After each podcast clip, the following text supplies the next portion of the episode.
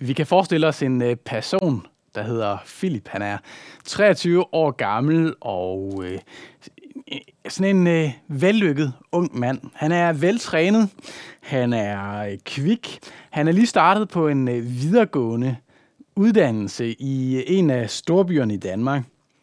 Han elsker det. Han, han glæder sig over at være i storbyen. Vennerne er der. Der er mulighed for at hænge ud med folk hele tiden. Han er flyttet hjemmefra. Det fungerer for ham. Han har et studiejob og tjener en del penge, så han en gang imellem også kan spise lidt lækkert mad. Philip han øh, fester. Han spiller fodbold. Han scorer mange mål. Generelt oplever Philip enormt meget succes. Jeg tror, Philip han vil tænke om sig selv som lykkelig. Vi kunne øh, forestille os Anne. Anne er 39 år gammel. Hun er mor til et par raske, sunde børn, som trives i skolen. Hun øh, er gift med en øh, trofast ægtemand. De har et øh, stort hus og en øh, dejlig bil. Hun øh, har en dag en, en dejlig karriere, som er på vej frem. Et stimulerende arbejde. Og øh, så har de endda lige købt et sommerhus, hvor man kan sidde ude på terrassen, når solen den går ned og drikke et glas koldt hvidvin med udsigt ud over Vesterhavet. Og lige der, så tror jeg, Anne, hun oplever sig lykkelig. Vi kunne også øh, forestille os Inge. Inge er farmor. Hun har øh, syv børnebørn. Hun øh, har øh, enormt meget liv og glade dage omkring sig, både når børnene og især når børnebørnene de laver kaos og anarki omkring hende. De er alle sammen i trivsel. Og øh, hun kan få lov at bidrage og, og, og, og tage del i børnefamilielivet uden at have dem om natten. Og hun er lige gået på pension. Der er masser af overskud. Jeg, jeg tror, Inge, hun jævnligt ser sig omkring i myldret af liv og oplever sig lykkelig. Men hvad så hvis Inger, Anne, Philip, ingen af dem kendte Jesus? De var lykkelige, men var de salige? Vi skal prøve at læse fra øh, bjergprædiken fra Matteus evangeliet kapitel 5, vers 1 til 12. Der øh, siger Jesus sådan her. Da Jesus så skarne, gik han op på bjerget og satte sig, og hans disciple kom hen til ham. Og han tog til ord og lærte dem. Salige er de fattige i ånden, for himmeriget er deres. Salige er de, som sørger, for de skal trøstes. Salige er de sagt modige, for de skal arve jorden. Salige er de, som hungrer og tørster efter retfærdigheden, for de skal mættes. Salige er de barmhjertige, for de skal møde barmhjertighed. Salige er de rene af hjertet, for de skal se Gud. Salige er de, som stifter fred, for de skal kaldes Guds børn. Salige er de, som forfølges på grund af retfærdighed, for himmeriget er deres. Salige er I, når man på grund af mig håner jer og forfølger jer og lyver jer alt muligt ondt på. Fryd jer og glæd jer, for jeres løn er stor i himlen. Således har man også forfulgt profeterne før jer. Lad os bede sammen. Gud og far i himlen, vi er så optaget af lykke. Men den sande lykke, saligheden, den er hos dig. Gud, jeg beder dig om, at du igennem det, vi lige har læst her, og det vi skal være sammen om nu, at du ved din helligånd vil give os den lykke, som er dyb og forankret. Ja, den lykke, som er saligheden. I dit navn beder vi, Jesus. Amen. Danmark er blandt øh, de lykkeligste lande i verden. Det har vi været igennem en årrække, og øh, det glæder vi os meget over i Danmark.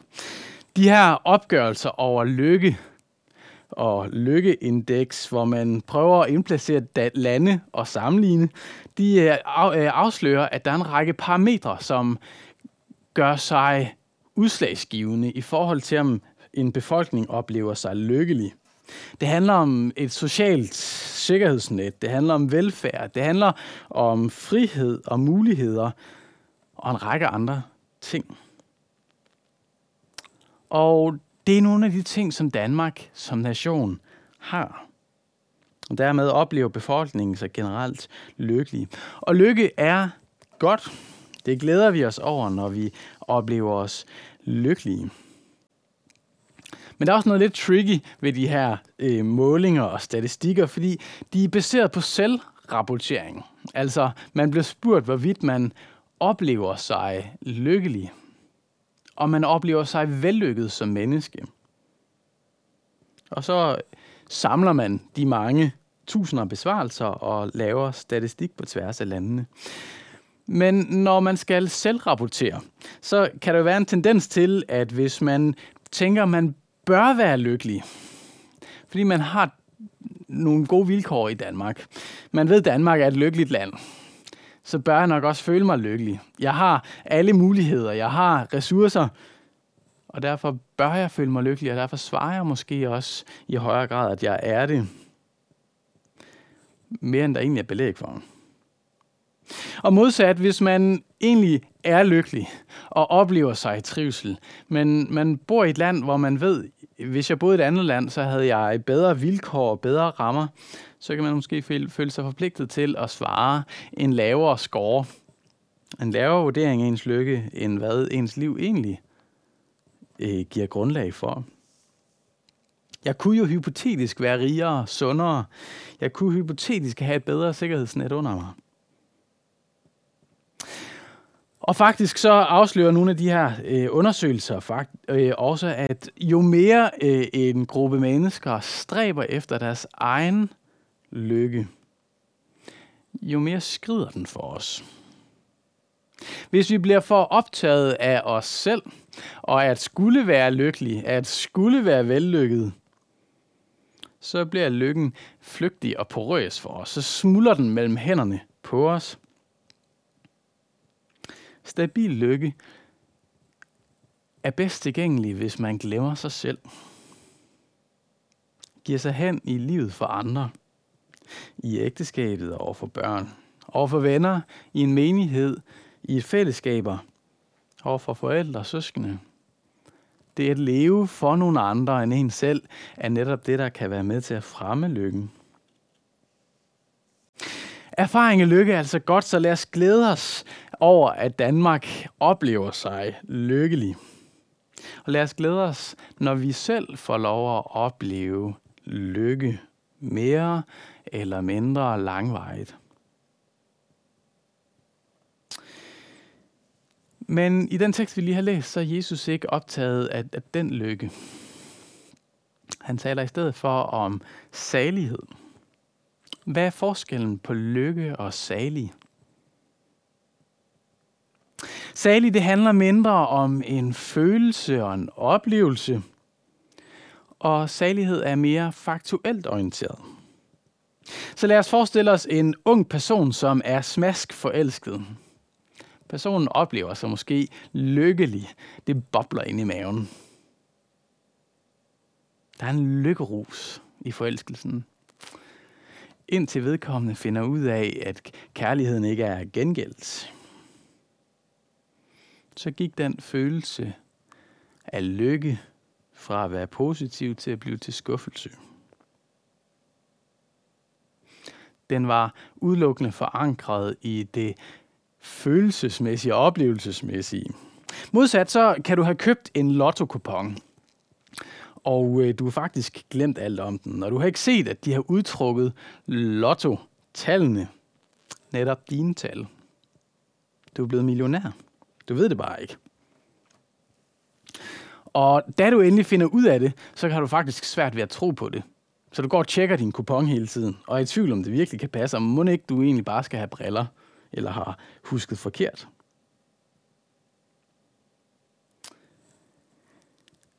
Vedkommende der havde en omstændighed, der var glædelig, der var forandret til det positive, og så kunne det godt være, at følelserne var på vej og var delvist med svingende i perioder, og ikke helt havde fanget det. Salighed har mere den karakter af at have gode, objektive omstændigheder og vilkår, som giver glæden en forankring, om end den kan svinge. Hvor lykke derimod nemt bliver en lidt mere luftig følelse eller oplevelse, som er flygtig. Jesus han er optaget af salighed. Og her salighed forankret i det åndelige, i livet med Gud. Altså den salighed, der handler om, at vi lever i et opgjort forhold til Gud.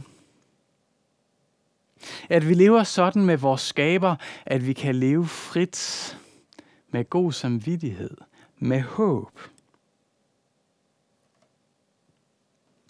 Den lykke, som ikke bare er en følelse, men er forankret i noget virkeligt, og hvor følelserne kan svinge, men forankringen var ved. Det er den salighed, Jesus han er inde på her. Sagt på en anden måde, hvis vi skal stille dem lidt op imod hinanden, så kan du være nok så lykkelig, ligesom Philip, Anne og Inge, som jeg nævnte fra starten af. Du kan være det igennem 80 år, men hvad nytter det i sidste ende, hvis du kun er lykkelig, men ikke er salig? Modsat så kan du have 80 brutale, modstandsplagede år. Og det opvejes, hvis du er salig og har et evigt liv og håb i vente. Det er altså bedre at være salig, end at være lykkelig. Nej, de to er ikke modsætninger. Og vi skal ikke gøre dem til modsætninger. Så pris Herren og halleluja, når du får lov både at være lykkelig og salig. Men salighed trumfer lykke. Det er den bedre ting at stræbe efter. Og det er faktisk sådan, at når vi kigger i Bibelen og ser i historien, så er det ikke sjældent, at Gud netop bruger modgang og modstand og det svære i livet, som kan give lykken dårlige kår, til at få os til at søge saligheden, som rækker ud over det her liv. Den salighed, som livsomstændigheder ikke kan tage fra os. Så når vi i Jeremias bog læser om, at Gud han har planer om lykke for sit folk, så skal vi ikke være naive og tro, at Gud han bestræber sig på, at vi i hvert øjeblik skal opleve den største lykkerus. Men derimod, at han har planer om den langsigtede, varige vel øh, velbefindende for sit folk. Den salighed, der er forankret i det evige liv. I saligprisningerne, så øh, kommer Jesus igennem otte saligprisninger, eller faktisk otte plus en saligprisning. Og vi har ikke øh, tid til at gå igennem alle saligprisningerne, så vi skal stoppe op særligt ved de to første i dag. Den første, fordi at den på en måde er porten ind i saligprisningerne, ind i bjergprædikningen, bjergprædikningen, ind i det kristne liv. Og den anden, fordi den er særlig aktuel i dag, alle helgens søndag. Den øh, første saligprisning, den lyder sådan her. Salige er de fattige i ånden, for himmeriget er deres.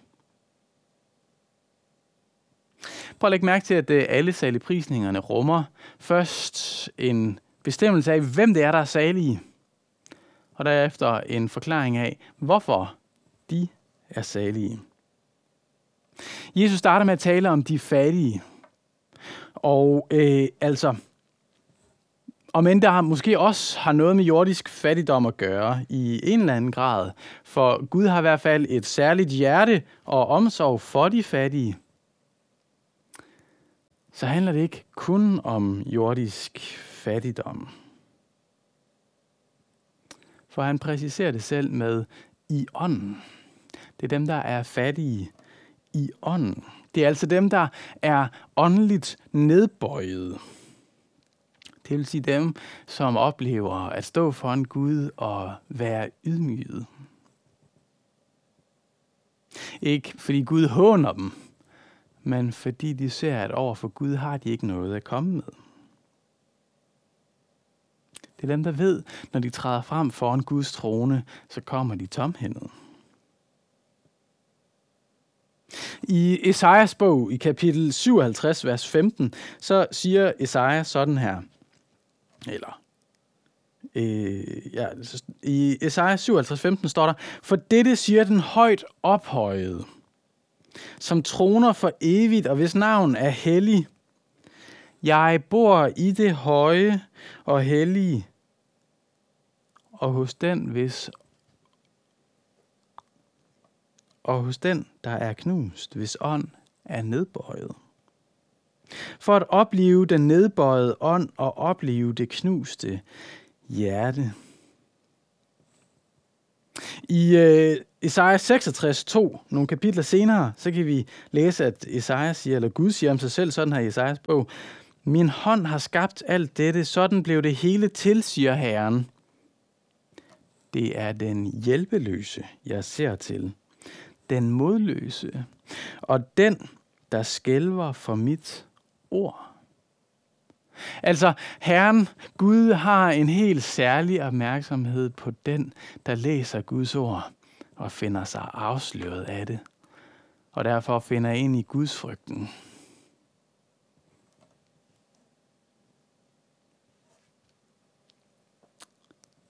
Salige er den, der er fattig i ånden. Hvor, hvorfor er den person fattig? Øh, hvorfor er den øh, fattige ånd salig? Jo, det er den fattige ånd, fordi himmeriget er deres, forklarer Jesus. Himmeriget, det er altså, dermed ser vi ikke noget, vi kan vende os til, stræbe os til, sejre os ind i. Himmeriget er noget, vi får del i gennem vores eget nederlag. Igennem vores fattigdom. Det er salighedens paradoks, at den kristne lykke, den kristne håb, saligheden, den er der, hvor vi giver op. Der, hvor vi bliver afsløret og knust. Det blev så tydeligt i det, der tidligere i gudstjenesten blev læst fra Johannes åbenbaring. Hvor Johannes får lov at se synet af den frelste flok, dem der står foran tronen. Hvem er de? Jo, de er dem, der står i de hvide klæder. Hvorfor er de hvide? Fordi de er blevet vasket med lammets blod. De står der ikke i deres egen festdragter. De står der ikke i det, de selv har købt og fortjent. De står der i de klæder, der er blevet vasket rene af Jesus. Dermed afslører den her første salige prisning, som er porten ind i den kristne tro, det kristne liv, og også en fare at det værste, der kan komme over os som mennesker, det er, hvis vi får bildet os selv ind, at vi har noget at komme med. Vi har et åndeligt CV, nogle bestemte følelser og erfaringer, en pligtopfyldende bibellæsning, nogle rigtige holdninger, et helhjertet hengivelse. der som vi tror, vi har noget at komme med. Så vi stopper med at se os selv som fattige, som tiggere så er det, vi mister saligheden. Ikke bare freden, men løftet om himmeriget. Jeg tror også, det er derfor, Paulus i Romerbrevet spørger, hvad bliver der så af vores stolthed? Og så svarer han selv, den er udelukket.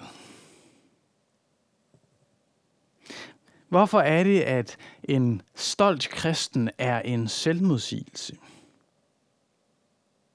Altså, ikke den kristen, der er stolt over øh, børnenes flotte fodboldkamp. Nej, den stolte kristen som den, der er stolt af sit liv, sin åndelighed, sin hengivenhed. Det er en selvmodsigelse. For netop der, hvor den stolthed den opstår, så ophører kristennavnet. For en kristen er altid en, der er blevet ydmyget og afsløret, og netop der har fundet sit håb og sin fred hos ham, som opløfter de nedbårede.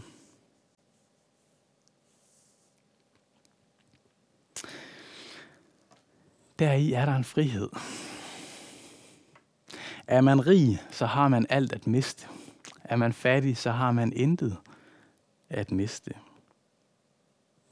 Og derfor intet at frygte hos Gud. For netop vores fattigdom er vores håb. For deri bliver Kristus alt, vi har. Det er den første salige prisning, og dermed den port, vi går ind i, når vi skal ind i bjergprædiken og læse om det at være en Jesu disciple og vil, øh, følge efter ham og leve efter hans vilje. Porten ind i det liv, det er åndelig fattigdom. Det er at give op på sig selv og se alt, jeg har af Kristus. Og så har jeg alt i ham. Derfor så skal vi bevæge os videre ind i den anden saligprisning. Jeg nævnte, at vi nåede ikke dem alle sammen, men jeg har lyst til at opmuntre dig til at bruge tid på at læse saligprisningerne. At stoppe op ved hver saligprisning, en efter en.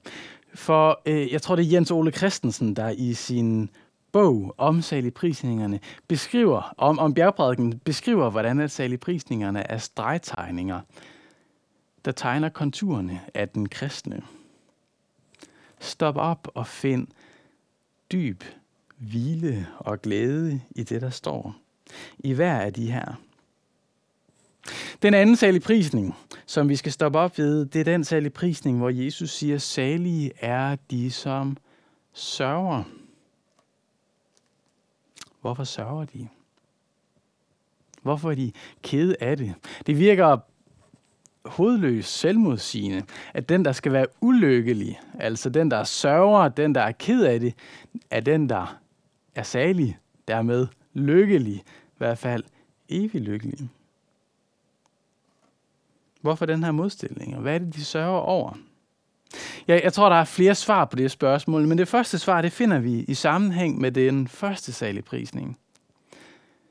Salige var de, som var åndeligt fattige, og derefter kommer salig af de, som sørger.